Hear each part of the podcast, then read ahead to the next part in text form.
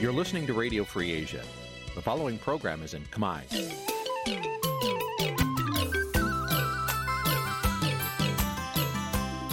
Nǐ chi càm bi tiệp xáy vệt chiu a zì sê ray នេះជាកម្មវិធីផ្សាយរបស់ Vithu Azisari ជាភាសាខ្មែរ វត្តឈូអាស៊ីសេរីសូមស្វាគមន៍លោកអ្នកនាងទាំងអស់ពីរដ្ឋធានី Washington នៃសហរដ្ឋអាមេរិក បាទពីរដ្ឋធានីវ៉ាស៊ីនតោន ខ្ញុំបាទសនចាររថាសូមជម្រាបសួរលោកអ្នកនាងអ្នកស្ដាប់វិទ្យុអាស៊ីសេរីទាំងអស់ជាទីមេត្រីខ្ញុំបាទសូមជូនការផ្សាយសម្រាប់ព្រឹកថ្ងៃអង្គារ600ខែមិញឆ្នាំឆ្លូវត្រីស័កពុរសករាជ2565ដែលត្រូវនៅថ្ងៃទី22ខែកុម្ភៈគ្រិស្តសករាជ2022បាទជាបន្តទៅនេះសូមអញ្ជើញលោកអ្នកនាងស្ដាប់ព័ត៌មានប្រចាំថ្ងៃដែលមានមេត្តាដូចតទៅ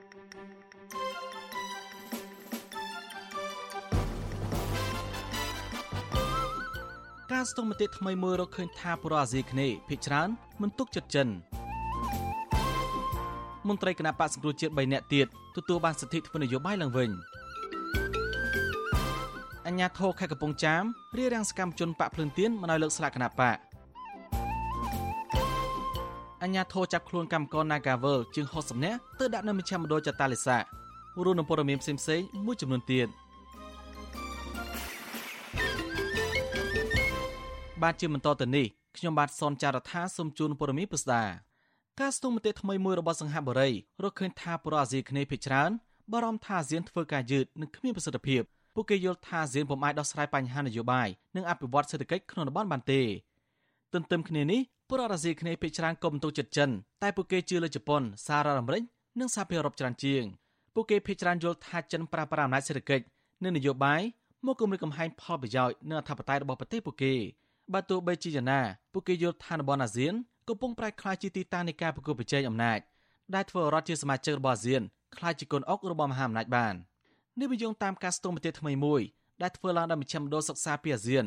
នៃវិទ្យាស្ថាន IC Yusof Isaac របស់សង្ហបុរីដែលទើបចេញផ្សាយកាលពីថ្ងៃទី16ខែកុម្ភៈការស្ទង់មតិនេះធ្វើឡើងក្នុងចំណោមពលរដ្ឋប្រមាណជាង1600នាក់មកពីប្រទេសទាំង10នៅក្នុងតំបន់អាស៊ីអាគ្នេយ៍ការសិក្សានេះ ធ្វើឡើងកាលពីអំឡុងចុងឆ្នាំ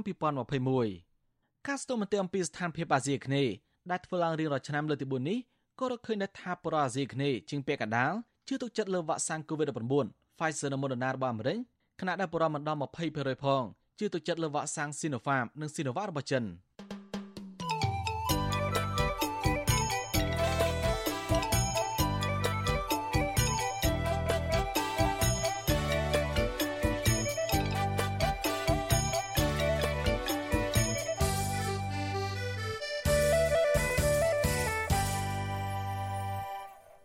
បាទលោកនៅនាងជាទីមត្រីមន្ត្រីគណៈបកសង្គ្រោះជាតិ3នាក់ទៀតទទួលបានសិទ្ធិធ្វើនយោបាយឡើងវិញពីព្រះមហាក្សត្រមន្ត្រីទាំង3នាក់នេះរួមមានលោកច័ន្ទជេងលោកកែតខីនិងលោកស្រីពតពៅមន្ត្រីគណៈបកសង្គ្រោះជាតិ3នាក់ស្ថិតក្នុងចំណោមមន្ត្រីគណៈបកសង្គ្រោះជាតិចំនួន118នាក់ដែលត្រូវបានតុលាការកំពូលហាមឃាត់មិនឲ្យធ្វើនយោបាយរយៈពេល5ឆ្នាំតាំងពីពាក់កណ្ដាលខែវិច្ឆិកាឆ្នាំ2017នៅពេលដែលតុលាការសម្រេចរំលាយគណៈបកសង្គ្រោះជាតិគឺមកទល់ពេលនេះ ព្រះមហាក្សត្របានផ្ដល់សិទ្ធិធ្វើនយោបាយឡើងវិញដល់មន្ត្រីបកសង្គ្រោះជាតិប្រមាណ30នាក់ហើយពួកគេមួយចំនួនបាននាំគ្នាបើកគណៈបកថ្មីជាបន្តបន្ទាប់ស្របពេលដែលការបោះឆ្នោតឃុំសង្កាត់អាណត្តិទី5ជិតចូលមកដល់បាទចំណែកការរៀបចំការបោះឆ្នោតវិញគណៈបកនយោបាយចំនួន10ហើយបានបញ្ជាក់ប្រាប់គណៈកម្មាធិការជាតិរៀបចំការបោះឆ្នោតកោចបោថាពួកគេព្រមប្រកល់សិទ្ធិឲ្យតំណាងគណៈបកនៅថ្នាក់ក្រោមជាតិរៀបចំបញ្ជីឈ្មោះបេក្ខជនឈរឈ្មោះបោះឆ្នោតក្រុមប្រឹក្សាឃុំសង្កាត់ឆ្នាំ2022 គណៈបកទាំង10នេះរួមមានគណៈបកប្រជាជនកម្ពុជាគណៈបកភ្លើងទៀនគណៈបកខ្មែរតែមួយគណៈបករូបរួមជាតិគណៈបកសញ្ជាតិកម្ពុជានិងគណៈបកកែតម្រង់កម្ពុជាជាដើមក្រៅពីនេះក៏មានគណៈបកកម្ពុជានិយមគណៈបករស្មីខេមរាគណៈបកយុវជនកម្ពុជានិងគណៈបកខ្មែរស្រឡាញ់ជាតិអនុប្រធានគណៈបកខ្មែរស្រឡាញ់ជាតិលោកខើយសនឿនប្រាវិទ្យាអេស៊ីសេរីនៅថ្ងៃទី21ខែកុម្ភៈថាគណៈបកផ្ដល់ការទៅចិត្តអមតេថ្នាក់ក្រមជាតិ នៅក្នុងការជ្រើសរើសបេក្ខភាពដែលមានសក្តានុពលឲ្យឈរឈ្មោះឲ្យបកនៅតាមមូលដ្ឋានលោកដឹងថាគណៈបកខ្មែរស្រឡាញ់ជាតិបានរៀបចំយុទ្ធសាស្ត្រដាក់បេក្ខជនឈរឈ្មោះតាមឃុំសង្កាត់សំខាន់សំខាន់ជាង300ឃុំសង្កាត់តាមខេត្តមួយចំនួនជាពិសេសនៅខាងភៀកពីយប់លោកខេសឿនអះអាងថាបេក្ខជនឈរឈ្មោះទាំងអស់នោះភាគច្រើនជាអតីតសកម្មជនគណៈបកសង្គ្រោះជាតិអតីតសមាជិកគណៈបកហ្វុនសំពេចនិងជាយុវជនចំនួនថ្មីលោករំពឹងថាតាមរយៈគោលនយោបាយដែលដាក់ចេញកន្លងមកគណៈបកខ្មែរស្រឡាញ់ជាតិ នឹងទទួលបានអាសនៈច្រើនតាមឃុំសង្កាត់ទាំងអស់នោះបបើទោះបីជាយ៉ាងណាក្នុងចំណោមគណៈបកទាំង10នេះមានតែគណៈបកកណ្ដាលអំណាចមួយទេដែលប្រកាសថាមានលទ្ធភាពដាក់បេក្ខជនគ្រប់ឃុំសង្កាត់និងមានអ្នកខ្លំមើលនៅគ្រប់ការិយាល័យបោះឆ្នោតបានចំណែកគណៈបកផ្សេងទៀតមិនមានលទ្ធភាពដាក់បេក្ខជនឈរឈ្មោះគ្រប់ឃុំសង្កាត់ទេគណៈគណៈបកភ្លើងទៀនមិនអាចប្រកាសជាផ្លូវការបានថានឹងចូលរួមឬក៏បន្តធ្វើបេក្ខការការបោះឆ្នោតនេះឬក៏យ៉ាងណាទេ វិទ្យុអេស៊ីសេរីមិនតរឲ្យសុំការបញ្ជាក់ពីអ្នកនាំពាក្យគណៈកម្មាធិការជាតិរៀបចំការបោះឆ្នោតលោកហងពធាបានទេនៅថ្ងៃទី21ខែកុម្ភៈតែទោះបីជាយ៉ាងណាប្រធានកោចបលោកប្រាច័ន្ទធ្លាប់ចេញសេចក្តីប្រកាសឲ្យគណៈបកនយោបាយទាំងអស់ត្រៀមលក្ខណៈសម្រាប់ការដាក់ពាក្យស្នើសុំចុះបញ្ជីបេក្ខជនឈរឈ្មោះនៅគណៈកម្មការរៀបចំការបោះឆ្នោតឃុំសង្កាត់ចាប់តាំងពីថ្ងៃទី4ដល់ថ្ងៃទី6ខែមីនាខាងមុខការបោះឆ្នោតឃុំសង្កាត់អាណត្តិទី5នឹងប្រព្រឹត្តទៅនៅថ្ងៃអាទិត្យទី5ខែមិថុនាឆ្នាំ2022នេះ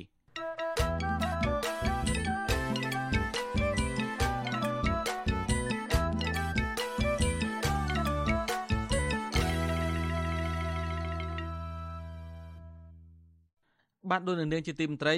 អញ្ញាធមូលដ្ឋាននៅស្រុកចំការលើខេត្តកំពង់ចាមរារាំងសកម្មជនគណបកភ្លឹងទៀនមិនឲ្យលើកស្លាកគណបកនៅតាមចិញ្ចើមផ្លូវសាធារណៈនៅព្រឹកថ្ងៃទី21ខែកុម្ភៈសកម្មជនគណបកភ្លឹងទៀនចាត់ទោសកម្មភាពរបស់អាញាធរបកកណ្ដាលអំណាចនេះថាជាការអនុវត្តផ្ទុយពីការណែនាំរបស់ក្រសួងមហាផ្ទៃនិងបទបញ្ជារបស់នាយករដ្ឋមន្ត្រីហ៊ុនសែនបាទពីរដ្ឋធានីវ៉ាស៊ីនតោនលោកយុនសាមៀនរីកាព័រមេនី សកម្មជនគណៈបកភ្លើងទៀនស្រុកចំការលើសោកស្ដាយដែលមេភូមិនិងអាជ្ញាធរឃុំគណៈបកកណ្ដាលអំណាចបានរៀបរៀងនិងបញ្ជូនសមត្ថកិច្ចជាច្រើនអ្នកតាមឃ្លាំមើលពួកគេលើកស្លាកគណៈបកជាបន្តបន្ទាប់ប្រធានក្រុមការងារគណៈបកភ្លើងទៀនស្រុកចំការលើលោកសយស៊ីថាតប្រាប់វិទ្យុអាស៊ីសេរីនៅថ្ងៃទី21កុម្ភៈថាជំទុកទី1ឃុំតាអុងលោកទីកឹមឈើយនិងមេភូមិតាអុងបានរៀបរៀងនឹងដើរអុកលុករំខានពួកគេមិនឲ្យលើកស្លាកគណៈបក នៅតាមដងផ្លូវក្នុងភូមិនៅព្រឹកថ្ងៃទី21កុម្ភៈនេះលោកបញ្ជាក់ថាជំទុកទី1គណៈបកកណ្ដាលអំណាចរូបនេះបានហាមឃាត់ពួកគេមិនឲ្យលើកស្លាកគណៈបកក្រោមលេសថាពួកគេលើកស្លាកគណៈបកទទឹងផ្លូវលោកចាត់ទុកសកម្មភាពរបស់អាជ្ញាធរគណៈបកកណ្ដាលអំណាចនេះថាជាការរំខាននិងការអនុវត្តផ្ទុយពីការណែនាំរបស់ក្រសួងមហាផ្ទៃនិងប័ណ្ណបញ្ជារបស់លោកនាយករដ្ឋមន្ត្រីហ៊ុនសែន ខ្ញុំលើកនៅតាមផ្លូវលំហ្នឹងគឺចូលទៅក្នុងបាទនៅក្បែរផ្សារហ្នឹងហើយក៏មានផ្លាក ស្រាបៀហើយនឹងបកគូលភ្លើងឲ្យខ្ញុំនឹងលើកទៅខាងក្នុងទៀតចូលផុតពីបកគូលភ្លើងប្រហែល1ម៉ែត្រទៅក្នុងមិនមែនដាក់ទន្ទឹមនឹងបកគូលភ្លើងទេលើកទៅក្នុងខ្ញុំថាបើសិនជាកាលណាគេដកបកគូលភ្លើងខ្ញុំក៏ដកដែរប៉ុន្តែជាចេតនារបស់គាត់គឺតែងតែមានលេសហេតុផលសពគ្រប់ហ្មងក្រសួងមហាផ្ទៃដែលជាស្ថាប័នគ្រប់គ្រងនៅលើមន្ត្រីសាលាឃុំទាំងអស់សូមឲ្យលោកជួយណែនាំពន្យល់លោកខាងក្រមនឹងឲ្យលោកចេះច្បាប់ទម្លាប់ផងកុំឲ្យមកដើរទៅធ្វើការរីរាំងទៅតាមអំពើចិត្តចឹងប្រទេសយើងមានច្បាប់ លោកបន្ថែមថាក្រៅអំពីមេភូមិនិងអាជ្ញាធរឃុំរារាំងពួកគេមិនឲ្យលើកស្លាកគណៈបកនយោបាយហើយក៏មានប៉ូលីសស្រុកចំការលើចំនួន4នាក់បានស្លៀកពាក់ស៊ីវិលនិងដើរថតរូបនិងឃ្លាំមើលពួកគេរហូតដែរតាក់ទងទៅនឹងបញ្ហានេះជំទុកទី1ឃុំតាអុងលោកទីកឹមឈើយប្រាប់វិទ្យុអាស៊ីសេរីថាលោកមិនមានចេតនាទៅរារាំងសកម្មជនគណៈបកភ្លើងទៀនមិនឲ្យលើកស្លាកគណៈបកដោយការចោទប្រកាន់ឡើយ លោកបញ្ជាក់ថាលោកគ្រាន់តែប្រាប់មិនឲ្យសកម្មជនគណៈបកប្រឆាំងទាំងនោះលើកស្លាកគណៈបកគៀកផ្លូវសាធារណៈដែលធ្វើឲ្យប៉ះពាល់ដល់សន្តិភាពម្យ៉ាងទៀតលោកថាអាញាធរមានគម្រោងពង្រីកផ្លូវនៅតំបន់នោះដែលឈូសឆាយពង្រីកផ្លូវអាចនឹងប៉ះពាល់លើស្លាកគណៈបកនាំឲ្យមានការប្តឹងតវ៉ាគ្នានៅថ្ងៃមុខ ខ្ញុំអត់មានទៅថាអេមិនឲ្យលើកអីហ្នឹងអត់មាននិយាយទេនិយាយស្រាប់តែពួកគាត់នឹងសិតតែខ្ញុំនឹងឯណាយកនីតិមន្តមកនិយាយខ្ញុំថាណែនិយាយមកឥឡូវលោកឯងមានសិទ្ធិខ្ញុំអត់ខាត់ទេសិទ្ធិរបស់លោកឯងគណៈបកនយោបាយលោកឯងប៉ុន្តែសិទ្ធិក៏មានកំណត់ក្នុងព្រំដែនច្បាប់ដែរទោះបីជាយ៉ាងណាវីដេអូឃ្លីបដែលបង្ហោះនៅក្នុងបណ្ដាញសង្គម Facebook បង្ហាញអំពីសកម្មភាពរបស់លោកទីកឹមឈើយបានប្រកែកតឹងសរសៃកជាមួយក្រុមសកម្មជនគណៈបកភ្លើងទៀន ដែលមានគ្នាប្រមាណ20នាក់កំពុងលើកស្លាកគណៈបកនៅខាងក្រោយបង្គោលអគិសនីនិងមានបដាឃោសនារបស់ក្រុមហ៊ុនទូរស័ព្ទនៅក្បែរនោះនៅគ្រានោះអាជ្ញាធរឃុំរូបនេះបានចោទសកម្មជនទាំងនោះថានាំគ្នាលើកស្លាកគណៈបកខុសពីលិខិតដែលពួកគេស្នើទៅអាជ្ញាធរឃុំប៉ុន្តែក្រុមសកម្មជនគណៈបកប្រឆាំងទាំងនោះមិនបានធ្វើតាមការរារាំងរបស់អាជ្ញាធរឃុំនោះទេដោយពួកគេបន្តលើកស្លាកគណៈបករបស់ខ្លួនបានជោគជ័យ ជុំវិញរឿងនេះប្រធានប្រតិបត្តិអង្គការ Netflix លោកសំគុណធាមី មានប្រសាសន៍ថាអាញាធរធ្វើបែបនេះជារឿងមិនត្រឹមត្រូវឡើយពីព្រោះការរារាំងដល់ការធ្វើសកម្មភាពនយោបាយរបស់គណៈបកភ្លើងទៀននេះផ្ទុយពីបទបញ្ជារបស់លោកនាយករដ្ឋមន្ត្រីហ៊ុនសែនវាជាការរារាំងមួយមិនឲ្យគេធ្វើសកម្មភាពនយោបាយ កាលពីថ្ងៃទី16កុម្ភៈលោកហ៊ុនសែនបានបញ្ជាដល់អាជ្ញាធរគ្រប់លំដាប់ថ្នាក់ឲ្យបង្កលក្ខណៈងាយស្រួលដល់គណៈបកនយោបាយដែលបានចុះបញ្ជីនៅក្រសួងមហាផ្ទៃទាំងអស់អាចជួបជុំគ្នាឬលើកស្លាកគណៈបកដោយស្មើភាពគ្នាលោកបញ្ជាក់ថាអ្វីត្បិតតែយុទ្ធនាការឃោសនាបោះឆ្នោតនៅយូរទៀតតែគណៈបកនយោបាយត្រូវការជួបជុំគ្នាការរៀបចំបេក្ខភាពឬលើកស្លាកដូច្នេះអាជ្ញាធរមិនត្រូវបង្កការលំបាកឬរើសអើងឡើយ ទោះបីជាយ៉ាងណាប្រធានស្ដីទីគណៈបកភ្លើងទៀនលោកថៃសេដ្ឋាលើកឡើងថាអាជ្ញាធរតាមមូលដ្ឋាននៅតែបន្តរើសអើងនឹងបង្កការលំបាកដល់មន្ត្រីគណៈបកភ្លើងទៀនដដែល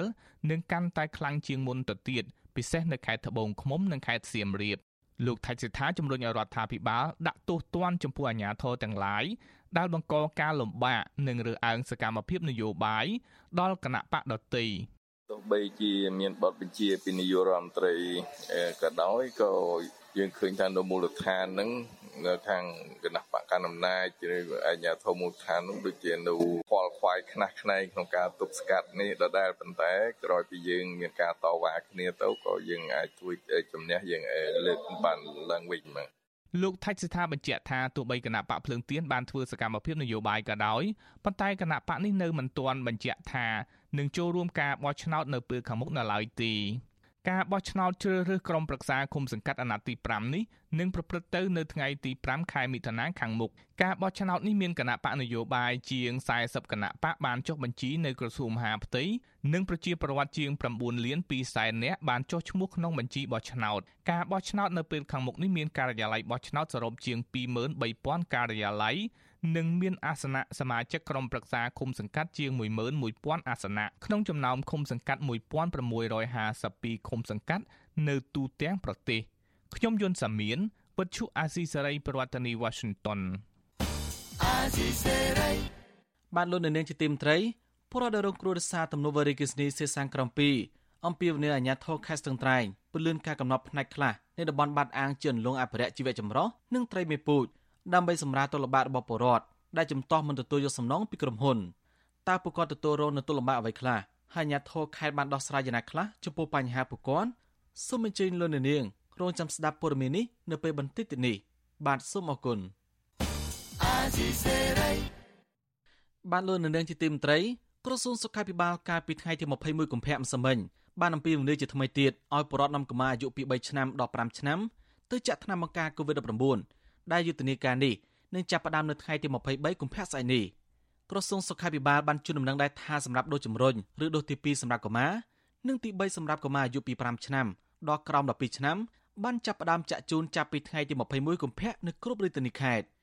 ជាមួយគ្នានេះក្រសួងណែនាំទៅអាជ្ញាធរមូលដ្ឋានឲ្យបង្កើនការយកចិត្តទុកដាក់ផ្ដល់ថ្នាំបង្ការដល់ប្រជាពលរដ្ឋឲ្យបានឆាប់រហ័សនិងជារៀងរាល់ថ្ងៃរាប់ទាំងថ្ងៃឈប់សម្រាកផងលើពីនេះក្រសួងណែនាំដល់ប្រជាពលរដ្ឋកុំឲ្យធ្វើប្រហែស អនុវត្តវិធានការសុខាភិបាលបានខ្ជាប់ខ្ជួនគឺត្រូវពាក់ម៉ាស់រក្សាកម្រិតនិងលាងដៃនិងចាក់វ៉ាក់សាំងការពារជំងឺឲ្យបានគ្រប់ចំនួនរួមទាំងដូសជំរុញទាំងឡាយផងដោយឡែកនៅលើបណ្ដាញសង្គម Facebook ក្រុមអ្នកប្រាស្រ័យបណ្ដាញសង្គមសំណុំពរដល់អាជ្ញាធរមានសមត្ថកិច្ចបន្ថែមទីតាំងលក់ថ្នាំព្យាបាល COVID-19 បន្ថែមទៀតដើម្បីកាត់បន្ថយមនុស្សកកកុញទៅរកទិញថ្នាំនៅក្រសួងប្រៃសណីនិងទូរគមនាគមន៍សំណើនេះធ្វើឡើងក្រោយពេលដែលបរិបបានសម្រុកទៅទិញថ្នាំព្យាបាល COVID-19 មុនញោពីរ៉ាវ៉ា ដែលបានដាក់លក់នៅក្រសួងប្រៃសណីដែលមានតម្លៃទាបជាងតម្លៃលើទីផ្សារឯកជនក្រុមការងារចំពោះកិច្ចគ្រប់គ្រងនិងផ្គប់ផ្គង់ឱសថប្រយុទ្ធប្រឆាំងនឹង COVID-19 នៃគណៈកម្មការជាប្រយុទ្ធនឹង COVID-19 កាលពីថ្ងៃទី18ខែមករាបានជូនដំណឹងពីការលក់ឱសថព្យាបាល COVID-19 Molnatris ប្រភេទថ្នាំគ្រាប់ Monopiravir កម្រិត200មីលីក្រាមនៅក្រសួងនៅមន្ទីរប្រៃសណីថ្នាំដែលរដ្ឋដាក់លក់នេះមានតម្លៃ55ដុល្លារក្នុងមួយដូស បើតាមការណែនាំរបស់ក្រសួងសុខាភិបាលមនុស្សពេញវ័យមានរោគសញ្ញាតិចតួចអាចព្យាបាលខ្លួនឯងនៅផ្ទះដោយប្រើថ្នាំ Monopiravir ក៏ប៉ុន្តែក្រសួងក៏បានណែនាំទៀតថាពលរដ្ឋពុំចាំបាច់ត្រូវទៅប្រើថ្នាំប្រភេទនេះទេគឺគេអាចព្យាបាល COVID-19 ដោយប្រើថ្នាំព្យាបាលតាមរោគសញ្ញាផ្សេងទៀតដូចជាថ្នាំក្តៅខ្លួននិងថ្នាំក្អកជាដើមបើទោះបីជាយ៉ាងណាក្រសួងក៏បានចេញសេចក្តីណែនាំលម្អិតអំពីការប្រើប្រាស់ថ្នាំម៉ូនូពីរ៉ាវ៉ានិងស្នើឲ្យប្រជាប្រុងប្រយ័ត្នចំពោះរាល់ការប្រើប្រាស់ថ្នាំដោយសារថ្នាំគឺជាអាវុធមុខពីរ ក្រោយផ្ទុះករណីឆ្លង COVID-19 ប្រភេទអូមីក្រុងចូលក្នុងសហគមន៍កាន់តែខ្លាំងមួយរយៈចុងក្រោយនេះជាពិសេសក្នុងចំណោមកុមារនៅតាមសាលារៀនប្រពមួយចំនួនហាក់មិនដឹងថាតើពួកគេជ្រើសរើសវិធីព្យាបាលកូននៅរបៀបណាស្របពេលដែលក្រសួងសុខាភិបាលរងការរិះគន់ថាពុំបានបង្ហាញវិធានការច្បាស់លាស់ពួកគេថាចំនួនអ្នកកើត COVID-19 ពិតប្រាកដអាចច្រើនរហូតដល់ទៅរាប់ពាន់ករណីក្នុងមួយថ្ងៃប្រសិនបើគិតពីចំនួនអ្នកកើតដែលបានធ្វើតេស្តរហ័សរកឃើញមេរោគនេះ បាទតើតើទៅនឹងការឆ្លងរាលដាល COVID-19 នេះដែរប្រជាពលរដ្ឋមួយចំនួននិងអ្នកវិទ្យាសាស្ត្រជំរុញឲ្យរដ្ឋាភិបាលបង្កើនវិធានការទប់ស្កាត់និងត្រៀមលក្ខណៈសម្រាប់ការព្យាបាល COVID-19 ឲ្យបានរួចរាល់ដើម្បីជៀសវាងការឆ្លងទ្រង់ទ្រាយធំឡើងវិញការលើកឡើងនេះស្របពេលដែល COVID-19 បំផ្លាញថ្មីអូមីក្រុងកំពុងឆ្លងច្រើននៅកម្ពុជានិងចាប់ផ្ដើមមានករណីស្លាប់ឡើងវិញករណីឆ្លង COVID-19 ប្រភេទបំផ្លាញថ្មីអូមីក្រុងនៅក្នុងសហគមន៍ចាប់ផ្ដើមមានសន្ទុះកើនឡើងវិញជាបន្តបន្ទាប់ក្នុងរយៈពេល7សប្តាហ៍ចុងក្រោយនេះ ខណៈករណីស្លាប់ក៏ចាប់ផ្ដើមមានវិញដែរក្នុងរយៈពេល2ថ្ងៃជាប់គ្នាពលរដ្ឋមួយចំនួនបង្ហាញលទ្ធផលតេស្តថាពួកគាត់បានឆ្លង COVID-19 អូមីក្រុងដោយមិនដឹងខ្លួនតែត្រូវព្យាបាលនៅខ្លួនឯងនៅផ្ទះអាជីវករលក់ដូរនៅផ្សារដាំកោលោកស្រីនិបសឿនឲ្យរឿងថាលោកស្រីទៅតែជាពី COVID-19 អូមីក្រុងប្រហែលថ្ងៃនេះទេដោយត្រូវសម្រាប់ព្យាបាលក្នុងបន្ទប់ជួលដោយខ្លួនឯងលោកស្រីមិនដឹងថាការឆ្លងជំងឺនេះដោយរបៀបណាទេគណៈក្រុមគ្រួសារនិងអ្នកលក់ដូរនៅក្បែរនោះធ្វើតែមិនឃើញឆ្លង COVID-19 ទេ លោកស្រីបន្តថាចាប់តាំងពី COVID-19 អូមីក្រុងឆ្លងច្រើនមកមនុស្សម្នាមិនសូវមកផ្សារទិញទំនិញដោយសពដងទេហើយអាញាធិបផ្សារក៏បានបង្កើនការផ្សព្វផ្សាយហើយដាក់កំហិតឲ្យអ្នកលក់និងអ្នកទិញត្រូវទៅពាក់ម៉ាស់ហើយរក្សាគម្លាតសុវត្ថិភាពឡើងវិញតែនៅខាងក្រៅបរិវេណផ្សារលោកស្រីថានៅមានបរិបទទីទួចមិនពាក់ម៉ាស់បើទោះបីជាយ៉ាងណាលោកស្រីចង់ឃើញរដ្ឋាភិបាលដាក់ជាវិធានការបន្ថែមខ្លះដែរដើម្បីបន្ថយការឆ្លង COVID-19 នៅតាមទីតាំងកំសាន្ត ឬក៏កន្លែងប្រមូលផ្ដុំមួយចំនួនប្រកាសមេក្រូខ្លាំងដែរហ្នឹងអត់ហ៊ានប្រហែលទេមកក្នុងទីផ្សារហ្នឹងគាត់ប្រកាសអញ្ចឹងហើយបើសិនជាយើងអត់ពាក់ម៉ាស់អីក្នុងផ្សារអញ្ចឹងគាត់ថាអត់ឲ្យអ្នកនឹងលក់ទេអ្នកទិញហ្នឹងក៏ដោយគាត់ថាបើសិនជាអត់ពាក់ម៉ាស់គាត់ឲ្យចូលទិញដែរចំណែកពលរដ្ឋម្នាក់ទៀតជាអ្នករត់រមាក់កង់3នៅភ្នំពេញលោកស្វាយផលីឲ្យនឹងថាចាប់តាំងពី COVID-19 អូមីក្រុងឆ្លងច្រើនមកពលរដ្ឋហាក់កាត់បន្ថយការធ្វើដំណើរច្រើនហើយលោករត់រមាក់ក៏មិនសូវបានលុយទេអ្នករត់រមាក់រូបនេះ មិនហ៊ានបញ្ចេញទស្សនៈពីវិធានការកាត់បន្ថយឬក៏ទប់ស្កាត់ការឆ្លង COVID-19 ទេតែលោកព្រួយបារម្ភថាប្រសិនបើជំងឺនេះនៅតែឆ្លងច្រើនទៀតនឹងប៉ះពាល់ដល់ជីវភាពគ្រួសាររបស់លោកធុនធ្ងរមានបារម្ភដូចគ្នាណាបងបើនិយាយទៅវាលឺសូរថាអញ្ចឹងអញ្ចឹងភ័យខ្លាចមែនអ្នកខ្លះគេថាអីយោបាយមែនអ្នកខ្លះគេថាមិនទេបងដូចពិបាកដល់ប៉ុន្តែអត់ហ៊ាននិយាយបងសុំទោសនិយាយធំហ្មងផ្ទះជួលឲ្យធនាគារទៅមិននៅតែយកដល់ពេញអញ្ចឹងបងអើយយើងមិនដើរចុះថាយកយកថាយើងរមបានបានគេអត់គិតទេគេគិតរឿងថាដល់ខែយកលុយដល់ខែយកលុយ វិទ្យុអេស៊ីសេរីមិនតន់សុំការបញ្ជាក់ពីអ្នកនាំពាក្យក្រសួងសុខាភិបាលអ្នកស្រីអាវវ៉ាន់ឌិននិងអ្នកនាំពាក្យរដ្ឋាភិបាលលោកផៃសិផានបានទេនៅថ្ងៃទី21កុម្ភៈតែទោះបីជាយ៉ាងណាកាលពីថ្ងៃទី20ខែកុម្ភៈរដ្ឋមន្ត្រីក្រសួងសុខាភិបាលលោកមុំមិនហេងបានចេញសេចក្តីណែនាំឲ្យពលរដ្ឋបង្កើនការពង្រឹងវិធានការសុខាភិបាលដើម្បីទប់ស្កាត់ការឆ្លង COVID-19 អូមីក្រុងក្នុងសហគមន៍លោករដ្ឋមន្ត្រីលើកទឹកចិត្តឲ្យពលរដ្ឋដែលសង្ស័យឆ្លងឬជារោគសញ្ញា ឬធ្លាប់ប្រស័យតាក់ទងជាមួយនឹងមេ COVID-19 ត្រូវធ្វើតេស្តរហ័សរោគ COVID-19 ហើយដាក់ខ្លួននៅដែលដលៃពីគេហើយព្យាបាលដោយការលេបថ្នាំដោយខ្លួនឯងនៅក្នុងករណីអ្នកជំងឺវិវត្តទៅស្ថានភាពធ្ងន់ធ្ងរដូចជាការថប់ដង្ហើមហត់ឬក៏ពិបាកដកដង្ហើមជាដើមចាំបាច់ត្រូវស្វែងរកការព្យាបាលនៅមន្ទីរពេទ្យភ្លាមៗសេចក្តីណែនាំដដែលមិនបានបញ្ជាក់ថារដ្ឋាភិបាលមានវិធានការទប់ស្កាត់យ៉ាងណាទេតែលោកមុំមិនហេងលើកទៅចាត់ឲ្យមានការកាត់បន្ថយការជួបជុំកាត់បន្ថយអ្នកចូលរួមកម្មវិធីនានាតាមដែលធ្វើទៅបាន ហើយជំរុញឲ្យប្រជាពលរដ្ឋទៅទទួលយកវ៉ាក់សាំងឲ្យបានលឿនតែទោះបីជាយ៉ាងណាក្នុងស្ថានភាពនេះអ្នកវិទ្យាសាស្ត្រជឿថាប្រជាពលរដ្ឋមានលទ្ធភាពនៅក្នុងការចូលរួមសហការជាមួយរដ្ឋាភិបាលនៅក្នុងការទប់ស្កាត់ COVID-19 អូមីក្រុងទាំងអស់គ្នាប្រធានសមាគមគ្រូពេទ្យគុណធម៌កម្ពុជាវិជ្ជបណ្ឌិតអ៊ុយវិធីសង្កេតឃើញថាកំណើនការឆ្លង COVID-19 អូមីក្រុងពិតជារឿងមែនដែលទាមទារឲ្យប្រជាបង្កើនការប្រុងប្រយ័ត្នខ្ពស់ឡើងវិញលោកបញ្ជាក់បណ្ឌិតបន្តថាក្នុងដំណាក់កាលនេះពលរដ្ឋគួរអនុវត្តវិធានការរបស់ក្រសួងសុខាភិបាលឲ្យបានខ្ជាប់ខ្ជួនសិន ហើយក្នុងករណី COVID-19 អូមីក្រុងកាន់តែច្រើនឡើងលោកជឿជាក់ថាអាញាធរសុខាភិបាលនឹងដាក់ចេញវិធានការបន្ថែមទៀតតែទោះបីជាយ៉ាងណាលោកយល់ថាម្ដងនេះរដ្ឋាភិបាលមិនគួរដាក់ចេញវិធានការតឹងរឹងដូចមុនទេដោយសារ COVID-19 អូមីក្រុងនេះទំនងជាមានរោគខ្សោយជាងប្រភេទមុនមុនគណៈពលរដ្ឋក៏មានការយល់ដឹងច្រើនចំណែកការព្យាបាល COVID-19 វិញលោកបញ្ជាក់ដឹកគាំទ្រចំពោះការឲ្យអ្នកជំងឺស្រាលស្រាលព្យាបាលនៅផ្ទះខ្លួនឯងហើយមានការណែនាំពីមន្ត្រីសុខាភិបាល ដោយសារការយកអ្នកជំងឺច្រើនទៅព្យាបាលនៅទីតាំងរួមបណ្ដាលឲ្យអ្នកជំងឺស្រាលស្រាលប្រែជាឈឺធ្ងន់ឬក៏ឈឺតគ្នាជាដើមឥឡូវឃើញថាវាដូចនឹងដាសាយវា3ថ្ងៃក្រោយមកវាបាត់ជាខ្លួនវាបាទភាកច្រើនបាទបើសិនជាឃើញមើល rapid test ឃើញថាមានកូវីដប៉ុន្តែយើងមិនទាន់សន្និដ្ឋានថាវាឈ្មោះអីវាពូជអីយើងអត់ដឹងអញ្ចឹងគួរណាតែបងប្អូនកុំភ័យខ្លាចហើយត្រូវចេះតែរកពេទ្យក្បែរខ្លួនហើយទៅមើល CVR មួយទៀតអានេះតាមកំណត់ខ្ញុំណាបាទមើលម៉ាស៊ីនធំដើម្បីឲ្យដឹងច្បាស់ ជាមួយគ្នានេះក្រសួងសុខាភិបាលប្រកាសថាអ្នកជំងឺ3អ្នកទៀតបានស្លាប់ខណៈអ្នកឆ្លងថ្មីដែលបញ្ជាក់ដោយម៉ាស៊ីនពិសោធន៍ PCR មានចំនួនជា500នាក់សេចក្តីប្រកាសព័ត៌មានចុះថ្ងៃទី21កុម្ភៈក្រសួងសុខាភិបាលមិនបានបង្ហាញព័ត៌មានលម្អិតឬក៏ប្រវត្តិជំងឺពាក់ព័ន្ធរបស់អ្នកស្លាប់ទាំង3នាក់ទេដោយគ្រាន់តែបង្ហាញតួលេខឆ្លងថ្មីនិងអ្នកជាសះស្បើយថ្មីមានជាង300នាក់មកទល់ពេលនេះកម្ពុជារកឃើញអ្នកឆ្លងជំងឺ Covid-19 សរុបជាង100,000នាក់ក្នុងនោះអ្នកស្លាប់មានជាង3,000នាក់ ខណៈករណីឆ្លងក្នុងសហគមន៍មានជិត6,000នាក់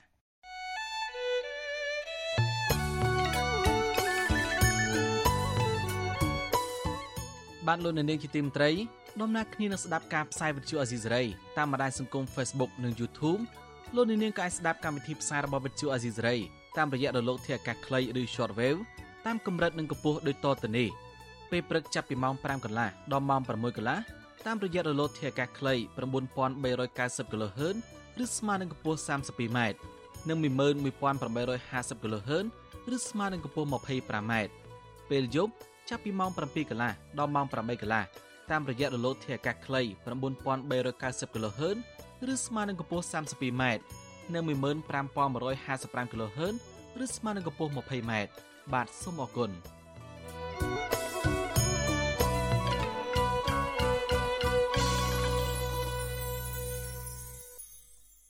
បាទងារទៅមើលការតវ៉ារបស់កម្មករ Nagawal នៅវិញកម្លាំងសមត្ថកិច្ចច្រើនអ្នកបានប្រើហិង្សាចាប់រុញច្រានកម្មករ Nagawal ជាង60នាក់បញ្ចូលក្នុងរថយន្តក្រុងដឹកយកទៅដាក់នៅមជ្ឈមណ្ឌលចតាលិស័ករាជធានីភ្នំពេញក្នុងខណ្ឌប្រៃភ្នៅខណៈដែលពួកគេជួបជុំគ្នាធ្វើកោតកម្មបន្តទៀតអង្គការសង្គមស៊ីវិលហៅការចាប់ខ្លួនកោតករ Nagawal ទ្រង់ទ្រាយធំនេះថាជាការគៀបសង្កត់និងរាំងផ្ទុះពួកគាត់មិនឲ្យជិះតវ៉ាដោយសន្តិវិធីក្រោមលក្ខអនុវត្តវិធានការសុខាភិបាលប្រឆាំង COVID-19 ជាជាងស្វែងរកដំណោះស្រាយបញ្ចប់វិវាទការងារមួយនេះតាមផ្លូវច្បាប់បាទពីរដ្ឋធានីវ៉ាស៊ីនតោនលោកមេរិតរាយការណ៍ព័ត៌មាននេះការចាប់ខ្លួនក្រុមបុគ្គលិកកាស៊ីណូ Nagawal ដែលចេញធ្វើកោតកម្មនៅពេលនេះស្ថិតនៅសួនច្បារក្បែរអគារ Boden ដោយសមាជិករាប់សិបនាក់ព្រួតគ្នាហុំព័ទ្ធពួកគេមិនឲ្យដើរទៅធ្វើកោតកម្មទាមទាររកដំណោះស្រាយការងារនៅខាងអគារក្រុមហ៊ុនបនលបែងកាស៊ីណូ Nagawal បុគ្គលិកធ្វើការផ្នែកកាស៊ីណូម្នាក់ ដែលត្រូវសមត្ថកិច្ចចាប់ទាញដៃបញ្ចូលរថយន្តក្រុងកញ្ញាទួនយូរីឲ្យដឹងថាសមត្ថកិច្ចប្រាប់ឲ្យក្រុមកម្មករបំបែកគ្នាទៅផ្ទះវិញក៏ប៉ុន្តែពួកគេមិនព្រមនោះទេក៏មានការប៉ះទង្គិចគ្នាជាពាក្យសម្ដីនិងចាប់ខ្លួនពួកគាត់ទាំងអស់ឡើងឡានដឹកយកទៅដាក់នៅមណ្ឌលចតាល័យស័ករាជធានីភ្នំពេញក្នុងខណ្ឌព្រែកភ្នៅ កញ្ញាបន្តថាក្រុមកម្មករដែលនាំគ្នាមកធ្វើកោតកម្មនៅថ្ងៃទី21ខែកុម្ភៈគឺពួកគាត់បានអនុវត្តតាមការណែនាំរបស់គ្រូពេទ្យដែលផ្ដល់សំណាក់រោគជំងឺ Covid-19 និងបានធ្វើចតាល័យស័កនៅផ្ទះអររយៈពេល2សប្តាហ៍តាមកាលកំណត់រួចអស់ហើយកញ្ញាបញ្ជាក់ថាការចេញម៉ូតូវ៉ានេះគឺចង់ទាមទារឲ្យអាជ្ញាធរដោះលែងតំណាងសហជីពទាំង8នាក់និងបុគ្គលិក3នាក់ទៀត ឲ្យមានសេរីភាពឡើងវិញដោយឥតលក្ខខណ្ឌហើយក្រុមហ៊ុន Casino NagaWorld ត្រូវទទួលយកថ្នាក់ដឹកនាំសហជីពនិងបុគ្គលិកជាង300នាក់ឲ្យចូលធ្វើការវិញ ដើម្បីបញ្ចប់វិវាទការងារមួយនេះបុគ្គលិកកាស៊ីណូវ័យ29ឆ្នាំរូបនេះស្នើសុំឲ្យអាជ្ញាធរនិងក្រសួងពាក់ព័ន្ធបញ្ឈប់ការចាប់ខ្លួនពួកគេតទៅទៀតហើយប្រកាន់ជំហរអព្យាក្រឹតសម្របសម្រួលដោះស្រាយវិវាទនេះដោយសន្តិវិធី និងតាមផ្លូវច្បាប់តាមកฎកល របស់យើងគឺនៅទៅកាន់ចំហដដែលកាត់ខ្លួនក៏នៅតែឈរចាប់ប៉ុណ្ណាចេញមកប៉ុណ្ណឹងគឺយើងនៅបន្តឈរតវ៉ាធ្វើកฎកម្មរហូតលុះស្រាតែក្រុមហ៊ុនណាកាវើចេញមកដោះស្រាយវិវាទការងារនោះចប់ចប់ផងសូមឲ្យខាងក្រសួងសុខាភិបាលខាងអាជ្ញាធរ ខាងក្រសួងពាក់ព័ន្ធសូមមេត្តាពំលើកហេតុផលមេរោគកូវីដយកមកបំបីកฎកលនឹងអីបើចង់ឲ្យបញ្ចប់បញ្ហាកូវីដក៏សូមឲ្យខាងក្រសួងពាក់ព័ន្ធជួយជំរុញឲ្យខាងក្រុមហ៊ុនណាកាវើដោះស្រាយវិវាទការងារនោះឲ្យឆាប់ចប់ផងវិសុវអេស្រីមិនអាចសុំការបំភ្លឺរឿងនេះពីអ្នកនាំពាក្យសាលារាជធានីភ្នំពេញលោកមេតមេភក្តីនិងអ្នកនាំពាក្យស្នងការដ្ឋាននគរបាលរាជធានីភ្នំពេញលោកសានសុកសីហា នៅថ្ងៃទី21ខែកុម្ភៈបានទេដោយទូរស័ព្ទហៅចូលតែពុំមានអ្នកទទួល ទាក់ទងនឹងរឿងនេះអ្នកគ្រប់គ្រងកម្មវិធីសិទ្ធិការងារនៃអង្គការសង្ត្រាល់លោកខុនថារ៉ូចាត់ទុកការចាប់ខ្លួនកម្មករ Nagawal ទ្រង់ទ្រាយធំបែបនេះថាគឺជាការគៀបសង្កត់រាំងខ្ទប់និងបំបិទសិទ្ធិសេរីភាពរបស់កម្មករនិយោជិតដោយអនុវត្តវិធានសុខាភិបាលប្រឆាំងជំងឺ Covid-19 ដើម្បីបំបែកការធ្វើកោតកម្មរបស់ពួកគេដោយសន្តិវិធី ជាជាងព្យាយាមស្វែងរកដំណោះស្រាយពិតប្រាកដបិទបញ្ចប់វិវាទការងារមួយនេះតាមផ្លូវច្បាប់ លោកខុនត្រូសង្កេតឃើញថាបញ្ហាដែលធ្វើឲ្យវិវាទការងារនៅក្រុមហ៊ុន Casino NagaWorld អូសបន្លាយរាប់ខែមកហើយនេះហើយមានការឈានទៅដល់ការចាប់ខ្លួនថ្នាក់ដឹកនាំសហជីពសកម្មជនសហជីពនិងកម្មករនិយោជិតជាច្រើនអ្នកនេះគឺនៅត្រង់ថាថៅកែមិនព្រមទទួលយកថ្នាក់ដឹកនាំសហជីពកម្មករនិងទទួលស្គាល់វត្តមានសហជីពនៅកន្លែងការងារឡើងវិញ លោកយល់ថាអ្នកដែលមានអំណាចនិងសិទ្ធិសម្រេចនៅក្នុងការដោះស្រាយបញ្ចប់វិវាទការងារមួយនេះបាន មានតែប្រមុខរដ្ឋាភិបាលចេញមុខអន្តរាគមន៍ទេទើបដំណោះស្រាយអាចកើតមានបាន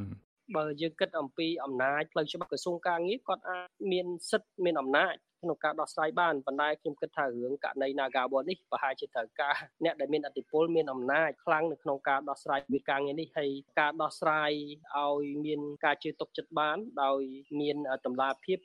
ដោយមានប្រសិទ្ធភាពវិលុះត្រាណាដែលក្រុមហ៊ុន Naga World ជាមួយនឹង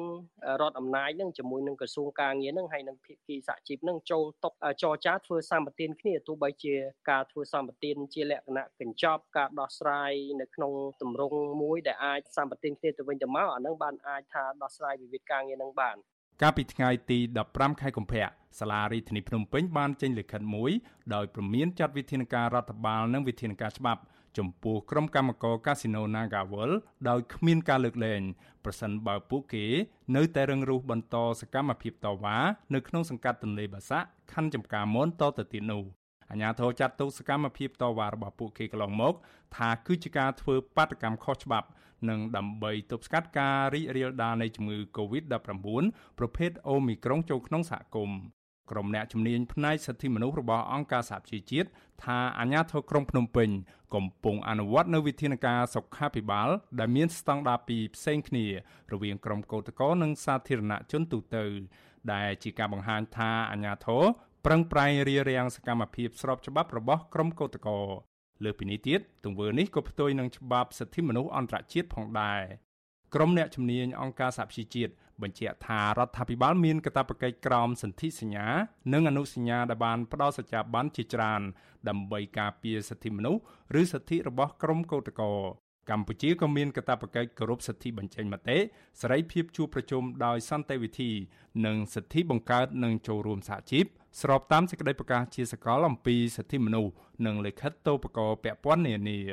ក៏រហូតមកទល់ពេលនេះមានតំណាងសហជីពនិងកម្មករកាស៊ីណូ Nagawal ចំនួន11នាក់ហើយកំពុងជាប់ឃុំនៅក្នុងពន្ធនាគារដោយសារតែពួកគេធ្វើកោតកម្មដោយសន្តិវិធី ទាមទាររកដំណោះស្រាយរឿងក្រុមហ៊ុន Casino NagaWorld បញ្ឈប់បុគ្គលិកជាង300នាក់ពីការងារដោយអយុត្តិធម៌ក្រុមកម្មករ Casino NagaWorld នៅតែប្រកាន់ចំហចេញមុខធ្វើកោតកម្មបន្តទៀតលុះត្រាតែទទួលបានដំណោះស្រាយការងារមួយនេះពីរដ្ឋាភិបាលបើទោះបីជាពួកគេត្រូវប្រឈមនឹងការចាប់ខ្លួនបន្ថែមទៀតពីសំណាក់អាជ្ញាធរយ៉ាងណាក៏ដោយខ្ញុំបាទមេរិត Visual C ស្រីរាយការណ៍ពីរដ្ឋធានី Washington បាក់តាក់តងរឿងនេះដែរបុគ្គលិកកម្មករនៅ Nagavel នៅតែប្រកាន់ចំហបន្តធ្វើកតកម្មរបស់ពួកគេតទៅទៀតបើទោះបីជាអាជ្ញាធរបន្តរារាំងនឹងចាប់កតកោជាង60នាក់ទៅដាក់មជ្ឈមណ្ឌលចតាលិស័កយ៉ាងណាក្តីកតកោថែមនឹងចាត់សួរអាជ្ញាធរថាហេតុអ្វីបានជាពួកគាត់មិនអាចជួបជុំតវ៉ាដោយគោរពតាមវិធានការសុខាភិបាលដូចជាពាក់ម៉ាស់រក្សាកម្រិតនិងរក្សាអនាម័យនោះបាន បាទសូមលោកនាងស្ដាប់បទសម្ភាសន៍រវាងអ្នកស្រីសុជីវីជាមួយកញ្ញាប៉ាងលីតាដែលជាបុគ្គលិក Nagavel ដែលធ្វើកតកម្មពីបញ្ហានេះដូចតទៅចាសសូមជម្រាបសួរលីតាពីចម្ងាយចាចាបងជម្រាបសួរ លីតាតើយល់ឃើញយ៉ាងម៉េចចំពោះការរៀបរៀងមិនអោយមានការតវ៉ាហើយមានការនាំខ្លួនមនុស្សជាង60នាក់ទៅធ្វើចាត់តល័យស័កនេះពីព្រោះខាងអាជ្ញាធរបានលើកឡើងហើយគាត់ធ្វើនេះក៏ព្រោះតែទប់ស្កាត់ការឆ្លងរាលដាលជំងឺ Covid-19 ជាពិសេសគឺប្រភេទ Omicron ដែលឆ្លងរហ័សហើយចំនួនអ្នកដែលកើនមានមេរោគ Covid-19 នេះគឺក៏កើនឡើងមកទៀតក៏មានចំនួនអ្នកស្លាប់អីរាយការណ៍ពីថ្ងៃជាប់គ្នានេះតើលីតាយល់ឃើញយ៉ាងម៉េចចារវាងការតវ៉ារបស់ក្រមកោតក្រហើយនឹងវិធានការសុខាភិបាលរបស់អាជ្ញាធរចាចាបងចំពោះបញ្ហាមួយហ្នឹងណាខ្ញុំក៏ចង់ខ្ញុំក៏ចង់សួរបកទៅខាងបងបងអាជ្ញាធរក៏ដូចជាក្រសួងសុខាភិបាលវិញដែរថាហេតុអីបានជាខ្លាចតាតាតាពួកខ្ញុំដែលជាក្រុមកោតក្រអញ្ចឹងព្រោះជាក់ស្ដែងកាលពីថ្ងៃទី14ខែ2បង2022มันមានការប្រគំបាល់ទាត់ទេបងហ្នឹងជាងចិត្ត20000អ្នកជាងហេតុអីបានជាមិនខ្លាច ហើយមកខ្លាចតែពួកខ្ញុំជាងប្រមាណ100អ្នកហ្នឹងហេតុអីបានមកខ្លាចពួកខ្ញុំវិញទាំងតែពួកខ្ញុំសិតតែបានទៅយកសំណាក់នឹងធ្វើតេស្តហើយដូចជារក្សាគម្លាតពាក់ម៉ាស់បាញ់អកលអីត្រឹមត្រូវគ្រប់ពេលដែលពួកខ្ញុំទៅធ្វើកោតកម្មពួកខ្ញុំតែងតែគោរពតាមវិធានការបីកុំបីការពាររបស់ក្រសួងសុខាភិបាលរហូតហេតុអីបានជាខ្លាចតែពួកខ្ញុំដែលជាក្រុមកោតក្រមិនបានជាមិនខ្លាចអ្នកផ្សេងដូចជាប្រជាពលរដ្ឋផ្សេងឬមួយក៏ពួកខ្ញុំមិនមែនជាប្រជាពលរដ្ឋ ឬយ៉ាងណាខ្ញុំក៏ឆ្ងល់ក្នុងចំណុចហ្នឹងដែរបងចាតើមានសាកសួរទៅអាជ្ញាធរទេគាត់មានការឆ្លើយតបអីយ៉ាងម៉េចរឿងនឹងចាពីព្រោះដឹងហើយថាក្រមកម្លាំងសមត្ថកិច្ចហ្នឹងគឺតែងតែដាក់ចុះមកជានិច្ចនៅពេលដែលមានការជួបជុំការតវ៉ារបស់ក្រមកោតក្រហ្នឹងចានិយាយទៅបងគ្រប់សំណួរដែលពួកខ្ញុំសួរទៅពួកគាត់គាត់ដែរមានចម្លើយពួកខ្ញុំទេ ដូចបងបងឃើញអញ្ចឹងតាក់ស្ដែងអាងអីគឺចាប់អាងអីគឺចាប់ចាប់ឲ្យតេះតេះឲ្យពួកខ្ញុំធ្វើចតាលេខសាក់ក្រោយពីធ្វើចតាលេខសាក់ពួកខ្ញុំត្រូវការប្រមូលផ្ដុំបែរជាចាប់ពួកខ្ញុំឲ្យទៅធ្វើតេះទៀតតេះឲ្យចតាលេខសាក់ទៀតអាហ្នឹងគឺជាក់ស្ដែងឃើញតែអញ្ចឹងបងអត់មានចម្លើយពួកខ្ញុំសោះហ្មងណាតើក្រមកោតកោនឹងធ្វើយ៉ាងណាទៀតពីព្រោះវិធានការសុខាភិបាលនេះនឹងមិនបញ្ចប់ទេហើយនឹងបន្តធ្វើទៅទៀត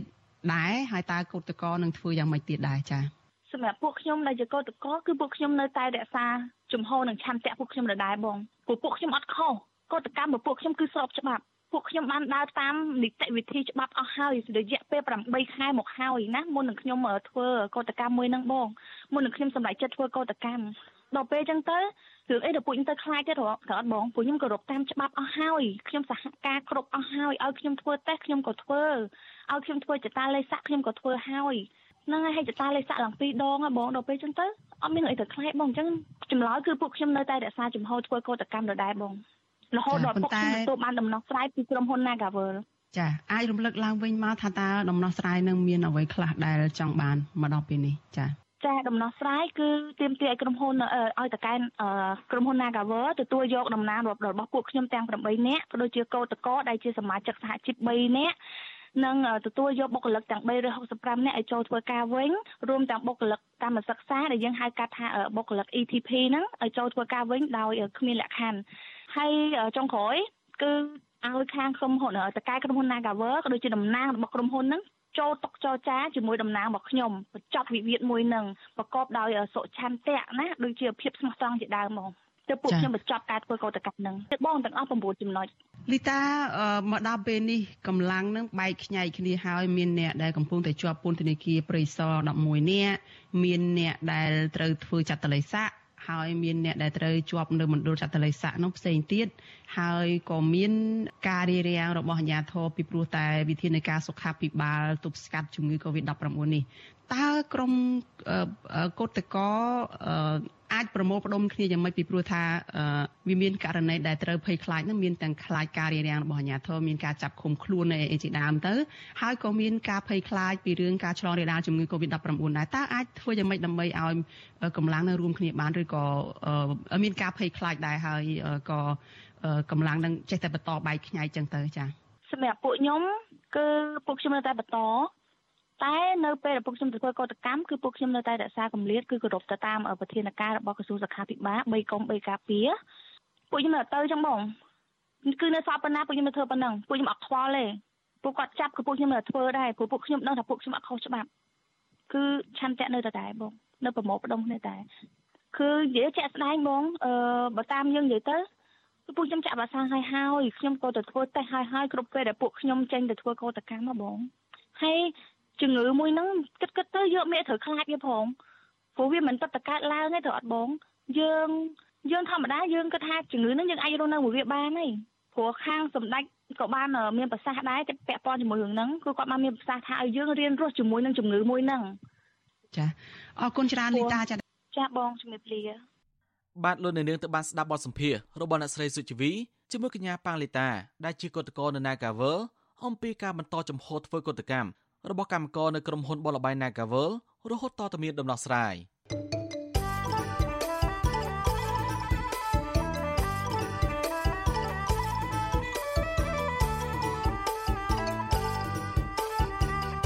បានលើនៅនាងជាទីមត្រីអំពើអយុធធម៌សង្គមបានខ្លាយជាជំងឺរ៉ាំរ៉ៃក្នុងសង្គមខ្មែរអ្នកមានអំណាចនឹងទ្របធនបានខ្លាយជាផ្នែកមួយនៃការជួយឲ្យអំពើទៅនេះនៅតែបន្តកើតមានដោយសារតែពួកគាត់ទទួលបានផលប្រយោជន៍ឬឈោអបដៃមើល។ រីឯតំណាងរាជគណៈបកប្រឆាំងដែលមានទុននីតិជាកញ្ចក់ឆ្លុះសង្គមត្រូវបានរដ្ឋាភិបាលដឹកនាំដោយគណៈបកកណ្ដាលអំណាចរំលាយចោល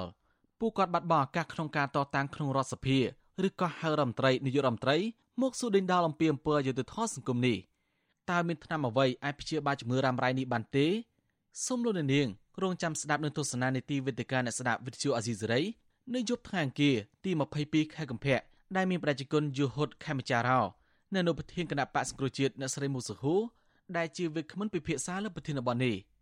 លោកនាងអាចចូលរួមផ្ដល់យោបល់ឬសួរសំណួរទៅវាគ្មិនដោយសរសេរគំនិតឬដាក់លេខទូរស័ព្ទក្នុងខ្ទង់ comment ឬផ្ញើសារទៅទំព័រ Facebook វិទ្យុអាស៊ីសេរីឬ YouTube នៅក្នុងពេលកំពុងផ្សាយផ្ទាល់នេះក្រុមការងាររបស់វិទ្យុអាស៊ីសេរីនឹងស្រង់មតិឬតាក់ទងទៅលោកនាងវិញបាទសូមអរគុណអាស៊ីសេរីបាទលោកនាងជាទីមត្រីពលរងផលប៉ះពាល់ពីគម្រោងពរិយន្តហោះថ្មីនៅខេត្តកណ្ដាល បានចោទអាជ្ញាធរថាបើកដៃឲ្យក្រុមហ៊ុន OCC ឈូសឆាយរំលោភយកដីស្រែពួកគាត់ដែលមិនបានផ្ដល់ដំណោះស្រាយសមរម្យជាមុនថាជារឿងអយុត្តិធម៌មិនអាចទទួលយកបានទេនិងជាចេតនាបង្ខំឲ្យអ្នកភូមិទទួលយកសំណងមន្ទីរបន្ទួចចាក់ចេញពីដីស្រែនិងផ្ទះសម្បែងមន្ត្រីអង្គការសង្គមស៊ីវិលយល់ថាការឈូសឆាយដីធ្លីដែលមិនយល់ព្រមពីពលរដ្ឋបែបនេះគឺជាអំពើរំលោភរដ្ឋធម្មនុញ្ញនិងគោលការណ៍សិទ្ធិមនុស្សយ៉ាងធ្ងន់ធ្ងរបាទពីរដ្ឋធានីវ៉ាស៊ីនតោនលោកទៀនសកលយារីកាព័រមីនី ប្រជាពលរដ្ឋដែលរងផលប៉ះពាល់ដីស្រែនិងដីផ្ទះសម្បែងពីគម្រោងវិនិយោគសាងសង់ពលយន្តហោះថ្មីនៅឯខេត្តកណ្ដាលនិងខេត្តតាកែវនៃក្រុមហ៊ុន OCIC របស់អង្គការពងខៀវខ្សែខកចិត្តចំពោះអាជ្ញាធរពាក់ព័ន្ធដែលមិនព្យាយាមដោះស្រាយបញ្ចប់វិវាទដីធ្លីតែដាក់សម្ពាធបំផិតបំភ័យនិងបើកដៃឲ្យគ្រឿងចាក់ឈូសឆាយដោយឆ្លៃបរដ្ឋដែលមិនព្រមទទួលយកសំណងបន្តិចបន្តួចទៅវិញប្រជាពលរដ្ឋនៅឃុំបឹងខ្ចាងលោកទួនវណ្ណៈប្រាប់វិទ្យុអសិលសេរីថារយៈពេលជិត2សប្តាហ៍មកហើយ អាជ្ញាធរបានដាក់កងកម្លាំងរាប់រយនាក់ការពារគ្រឿងចាក់របស់ក្រុមហ៊ុនដែលកំពុងឈូសឆាយរំលោភយកដីស្រូវដោយមិនទាន់រកដំណោះស្រាយសមរម្យជូនប្រជាពលរដ្ឋជាមុនហើយលើសពីនេះអាជ្ញាធរថែមទាំងគម្រិតកំហែងចាប់ខ្លួនពលរដ្ឋណាដែលហ៊ានងើបចេញតវ៉ាទៀតផងលោកចាត់ទុកថាទង្វើបែបនេះជារឿងអយុត្តិធម៌និងមិនអាចទទួលយកបានឡើយ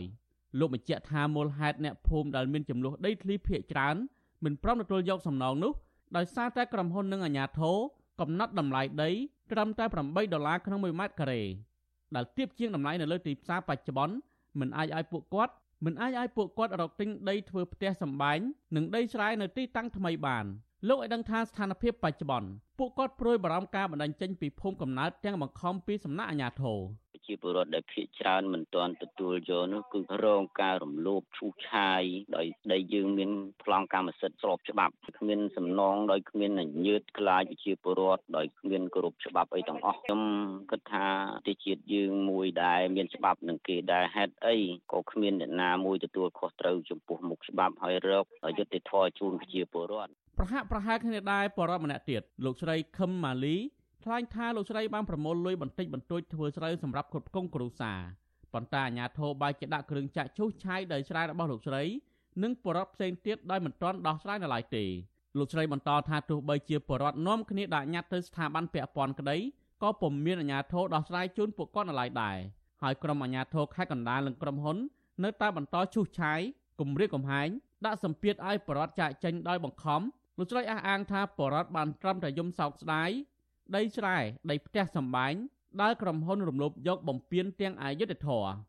ក៏មិនដែលនឹកឃើញថាការអភិវឌ្ឍគេគេខ្លាំងខ្លាដល់ឡើងសូម្បីតែទាំងនឹងប្រមាណចំនួនក៏គេលុបចោលហើយរាល់ថ្ងៃនេះក្រុមហ៊ុនហ្នឹងអត់មានខាតអីទេអូនគាត់ថាទាំងតែគេលុបនេះមិនមែនទីគីឡូដីផ្លូវទល់មកផ្ទះបងបន្លាយមកផ្ទះបងនេះក៏មិនមែនទីគីឡូដីសួរថាហេតុអីក៏ក្រុមហ៊ុនគ្មានសំណងឲ្យប្រជាពលរដ្ឋឲ្យសពស្របមួយមកឲ្យប្រជាពលរដ្ឋក៏ទទួលយកឲ្យសុបាយចិត្តទាំងរូបបងទាំងរូបគេតែថាក្នុងការអភិវឌ្ឍប្រព័ន្ធដីនេះក៏គាត់ធ្វើបាបរាជម៉ែ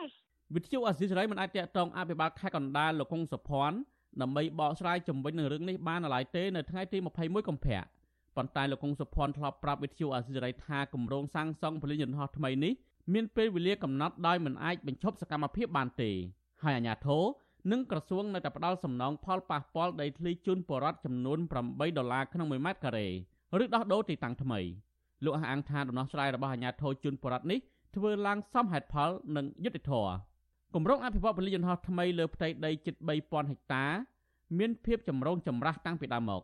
ដោយសារអាជ្ញាធរបានកំណត់តម្លៃដីក្នុង1ម៉ែត្រការ៉េចន្លោះពី3ដុល្លារដល់8ដុល្លារគម្រោងនេះជន់លើដីស្រែបរដ្ឋយ៉ាងហោចណាស់400គ្រួសារនៅស្រុកកណ្ដាលស្ទឹងខេត្តកណ្ដាលនិងឃុំពុតសស្រុកបាទីខេត្តតាកែវអ្នកនាំពាក្យសមាគមការពារសិទ្ធិមនុស្សអាត60លោកសឹងសែនករណាមានប្រសាសន៍ថាការដែលអាជ្ញាធរដាក់ចេញនៅដំណោះស្រាយដាច់ខាត និងកម្រិតតម្លៃដែលធ្វើឲ្យប្រជាពលរដ្ឋមិនអាចទទួលយកបាន ហើយបន្តយកគ្រឿងចាក់ទៅឈូសឆាយដីស្រែរបស់ពួកគាត់ដែលមានប្លង់កម្មសិទ្ធិស្របច្បាប់នោះគឺផ្ទុយពីគោលការណ៍ច្បាប់និងរំលោភសិទ្ធិមនុស្សធ្ងន់ធ្ងរលោកមើលឃើញថាទង្វើនេះហាក់ដូចជាដាក់សម្ពាធគម្រិតកំហែងរារាំងដែលមិនមែនជាដំណោះស្រាយបញ្ចប់ចំនួនដីធ្លីដោយសន្តិវិធីឡើយលោកស្នើឲ្យភាគីទាំងអស់គួររកវិធីសាស្ត្រជជែកនិងពិភាក្សារកដំណោះស្រាយដើម្បីកុំឲ្យប្រជាពលរដ្ឋ រងភាពឈឺចាប់តទៅទៀតឃើញហើយដែលហេតុទំនាស់នឹងអូសបន្លាយមកទល់ពេលនេះដោយសារតែមុននឹងអនុវត្តគម្រោងมันបានដោះស្រាយឲ្យដាច់ស្រេចហើយផ្ទុយទៅវិញបែរជាប្រើនៅសម្ពាធនិងវិធានការផ្សេងផ្សេងជំរុញឲ្យពួកគាត់ទទួលយកទៅវិញជាការពិតយើងមើលទៅពួកគាត់មិនមែនជំទាស់ការអភិវឌ្ឍអីទេក៏ប៉ុន្តែអ្វីដែលជាការបាត់បង់បាស់គាត់ហ្នឹងគឺគាត់ចង់បានឲ្យរកដំណោះស្រាយជូនពួកគាត់ដែលអាចទទួលយកបាន ក្រុមហ៊ុនសាជីវកម្មវិនិយោគក្រៅប្រទេសហៅកាត់ថា OCIC របស់លោកពុងខៀវសែ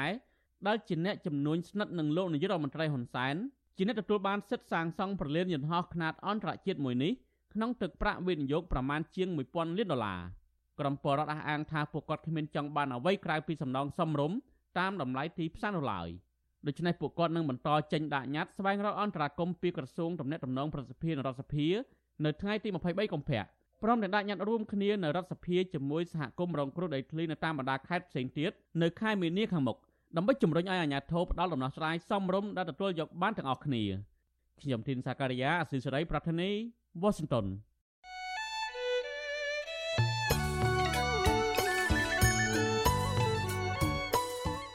បានលោកនៅនាងជាទីមត្រីដំណើរគ្នានឹងស្ដាប់ការផ្សាយវិទ្យុអេស៊ីសរ៉ៃតាមបណ្ដាញសង្គម Facebook និង YouTube លោកនៅនាងក៏អាចស្ដាប់កម្មវិធីផ្សាយរបស់វិទ្យុអេស៊ីសរ៉ៃតាមរយៈរលកធាតុអាកាសខ្លីឬ Shortwave តាមកម្រិតនិងកម្ពស់ដូចតទៅនេះ។ពេលព្រឹកចាប់ពីម៉ោង5កន្លះដល់ម៉ោង6កន្លះតាមរយៈរលកធាតុអាកាសខ្លី9390 kHz ឬស្មើនឹងកម្ពស់ 32m និង11850 kHz ឬស្មើនឹងកម្ពស់ 25m ពេលយប់ចាប់ពីម៉ោង7កន្លះដល់ម៉ោង8កន្លះតាមរយៈរលកធាតុអាកាសខ្លី9390 kHz ឬស្មើនឹងកម្ពស់ 32m និង15155 kHz ឬស្មើនឹងកម្ពស់ 20m បាទសូមអរគុណ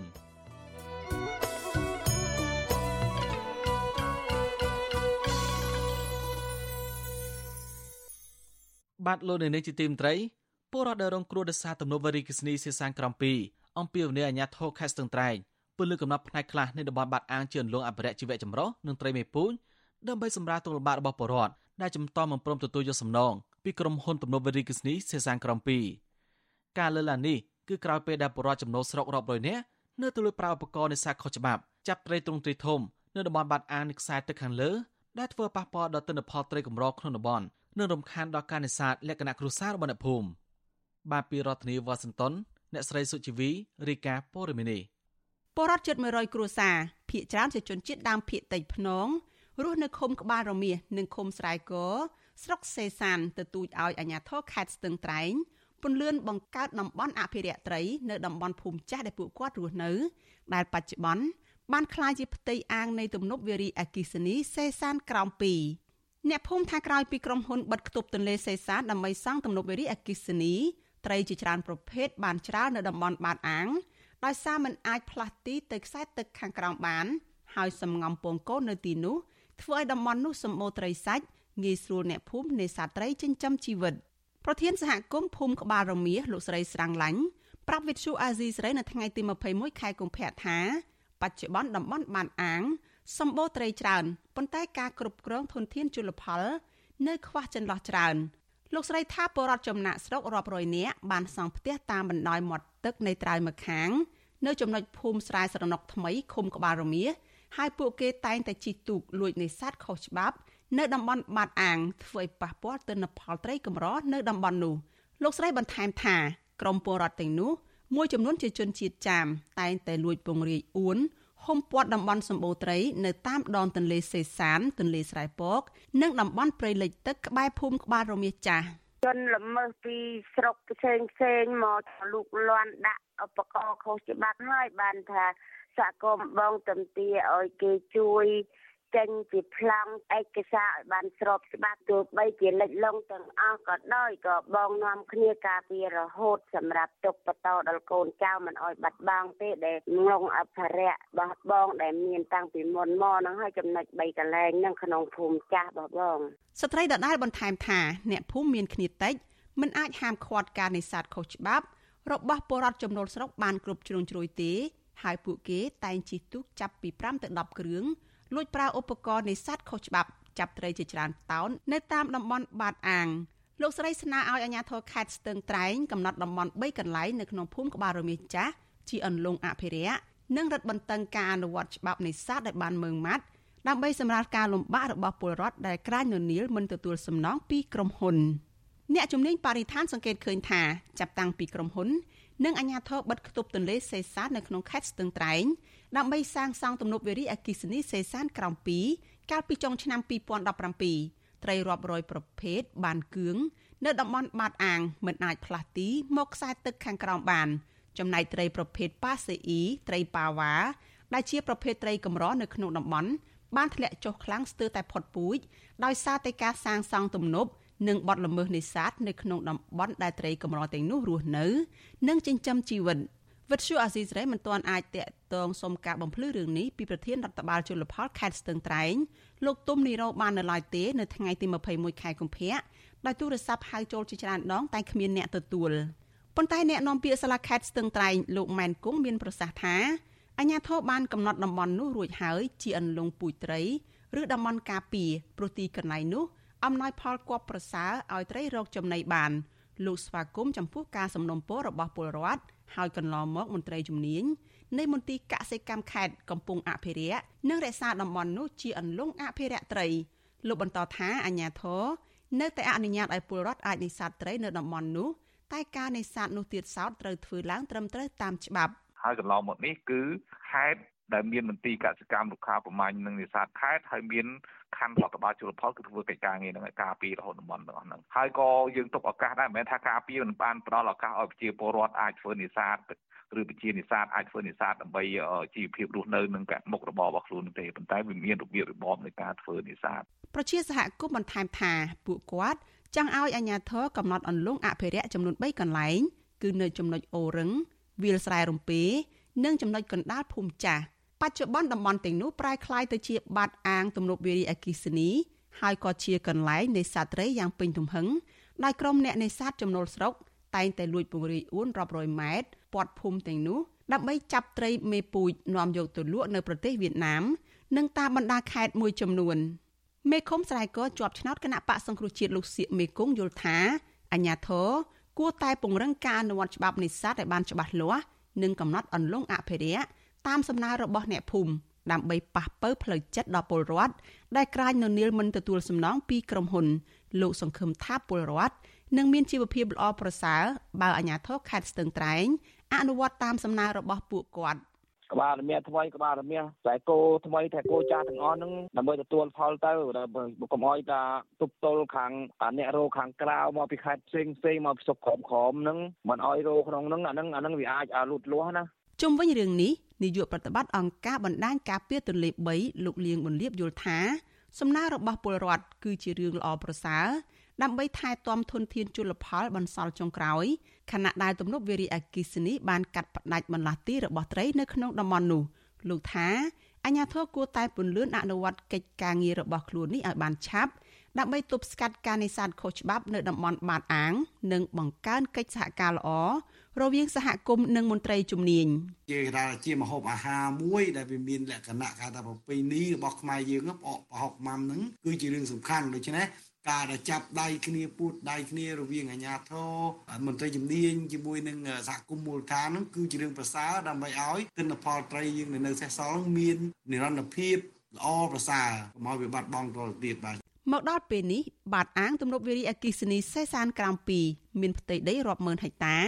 មានវិសាលភាពផ្ទៃទឹកធំធេងគ្របដណ្ដប់នៅក្នុងឃុំចំនួន3នៃខេត្តស្ទឹងត្រែងលាតសន្ធឹងទៅទល់នឹងខេត្តរតនគិរីលើសពីនេះពលរដ្ឋរស់នៅឃុំក្បាលរមៀសចំនួន53គ្រួសារនិងពលរដ្ឋរស់នៅឃុំស្រែកជាង40គ្រួសារបូករួមទាំងពលរដ្ឋដែលបំបែកគ្រួសារបដិសេធមិនទទួលយកគោលនយោបាយសំណងពីក្រុមហ៊ុនហើយបច្ចុប្បន្នពួកគេបន្តរស់នៅទីទួលខ្ពស់ក្បែរភូមិចាស់នាងខ្ញុំសុជីវីវិទ្យុអាស៊ីសេរី ពីរដ្ឋធានី Washington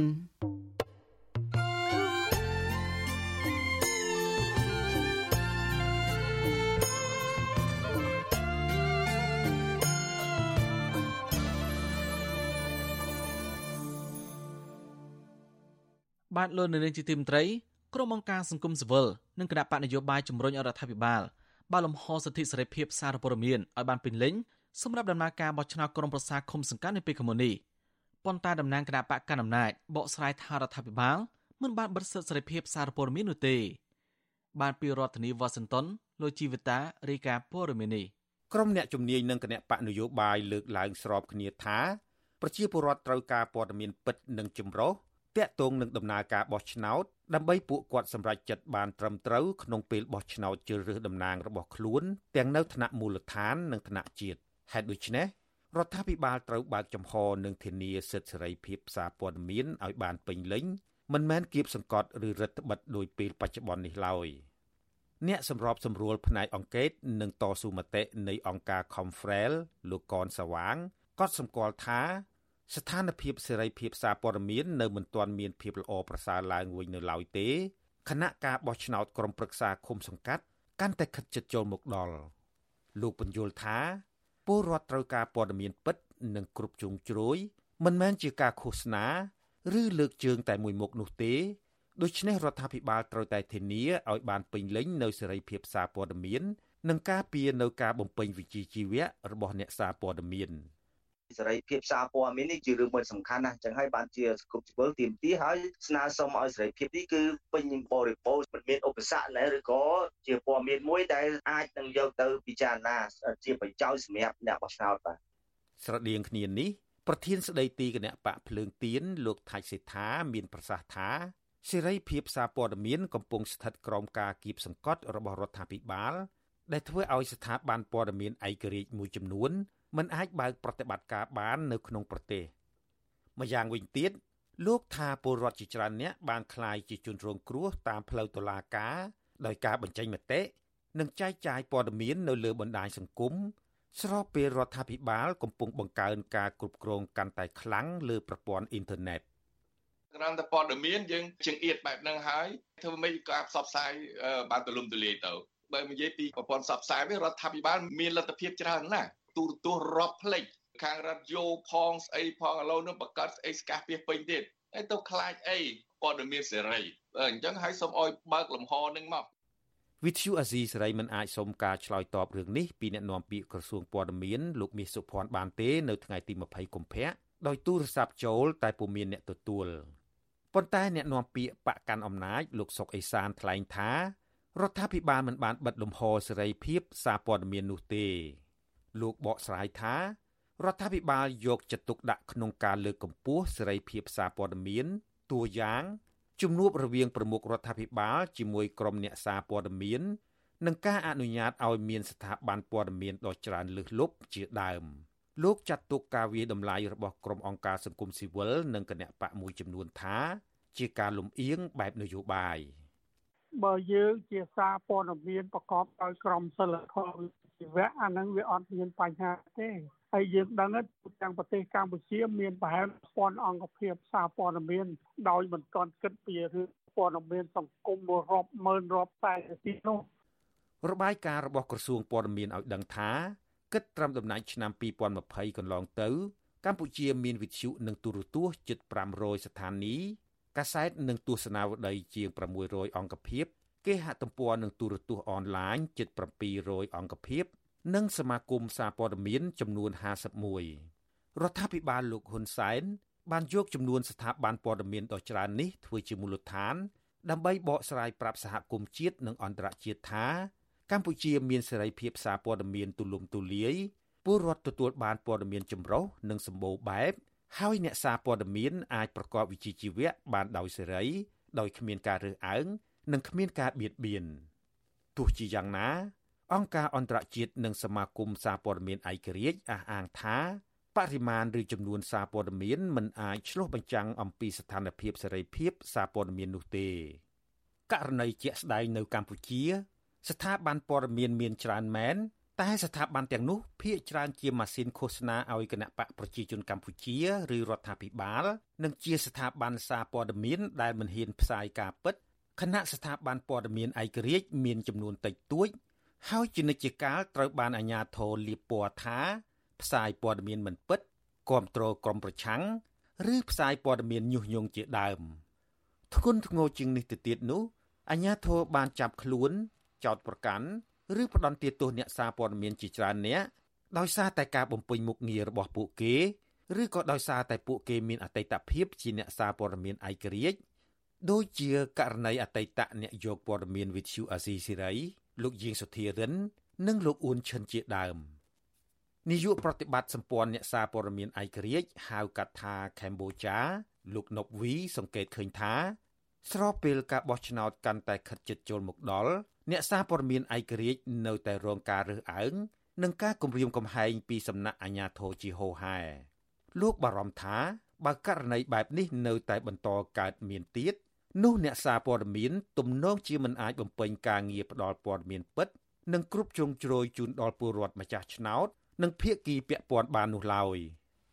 យើងមិនអាចបានដឹងនៅអ្វីដែលជាការពិតអ្វីដែលជាបញ្ហាផ្សេងផ្សេងដែលកើតមានឡើងនៅជុំវិញយុទ្ធនាការឃោសនាបោះឆ្នោតឬមួយក៏កំឡុងពេលនៃការបោះឆ្នោតនឹងទេវាលុះត្រាតែអ្នកសារព័ត៌មាននឹងមានឯករាជ្យភាពគ្រប់គ្រាន់នៅក្នុងការបង្ហាញនៅអ្វីដែលជាការលើកឡើងរបស់គណៈបកនយោបាយគ្រប់និន្នាការគណៈបកនយោបាយទី1ទី2ដែលការលើកឡើងនឹងគឺទទួលបាននៅការគ្រប់គ្រងឬមួយក៏សេរីភាពនៅក្នុងការផ្សព្វផ្សាយដោយមិនមានរូបភាពនៃការគម្រាមកំហែងតាមរយៈទស្សនវិជ្ជាណាមួយការបោះឆ្នោតក្រុមប្រឹក្សាឃុំសង្កាត់អាណត្តិទី5នឹងប្រព្រឹត្តទៅនៅថ្ងៃទី5មិថុនាពលគឺនៅសល់តែជាង3ខែទៀតប៉ុណ្ណោះប៉ុន្តែអ្នកសង្កេតការមើលឃើញថាបរិយាកាសនយោបាយនៅតែស្ថិតក្នុងភាពអាប់អួរដដែល ស្របពេលរដ្ឋាភិបាលលោកហ៊ុនសែនបន្តបង្ក្រាបលើសិទ្ធិសេរីភាពជាមូលដ្ឋាន និងរដ្ឋបិទលំហសង្គមស៊ីវិល និងអ្នកសារព័ត៌មានឯករាជ្យសមាគមសហព័ន្ធអ្នកសារព័ត៌មានកម្ពុជាកម្ពុជារកឃើញថា ក្នុងរយៈពេល10ខែនៃឆ្នាំ2021អ្នកសារព័ត៌មាន81នាក់បានក្លាយជាគោលដៅនៃការយាយីក្នុងនោះ20ករណីជាអំពើហិង្សា16ករណីជាការគំរាមកំហែងហើយ14ករណីជាការឃាត់ខ្លួនសួរនាំនិងប្រឈមវិធានការតុលាការ ចំពោះចំណាត់ថ្នាក់នៃសេរីភាពសារព័ត៌មានវិញកម្ពុជាបានជាប់ឈ្មោះជាប្រទេសមានស្ថានភាពអាក្រក់ផ្នែកសេរីភាពសារព័ត៌មានរយៈពេល4ឆ្នាំមកហើយក្រោយពេលរដ្ឋាភិបាលលោកហ៊ុនសែនបានបើកយុទ្ធនាការកម្ចាត់ស្ថាប័នព័ត៌មានឯករាជ្យធំធំនៅក្នុងប្រទេសកាលពីចុងឆ្នាំ2017នោះមកខ្ញុំជីវិតាអាស៊ីសេរី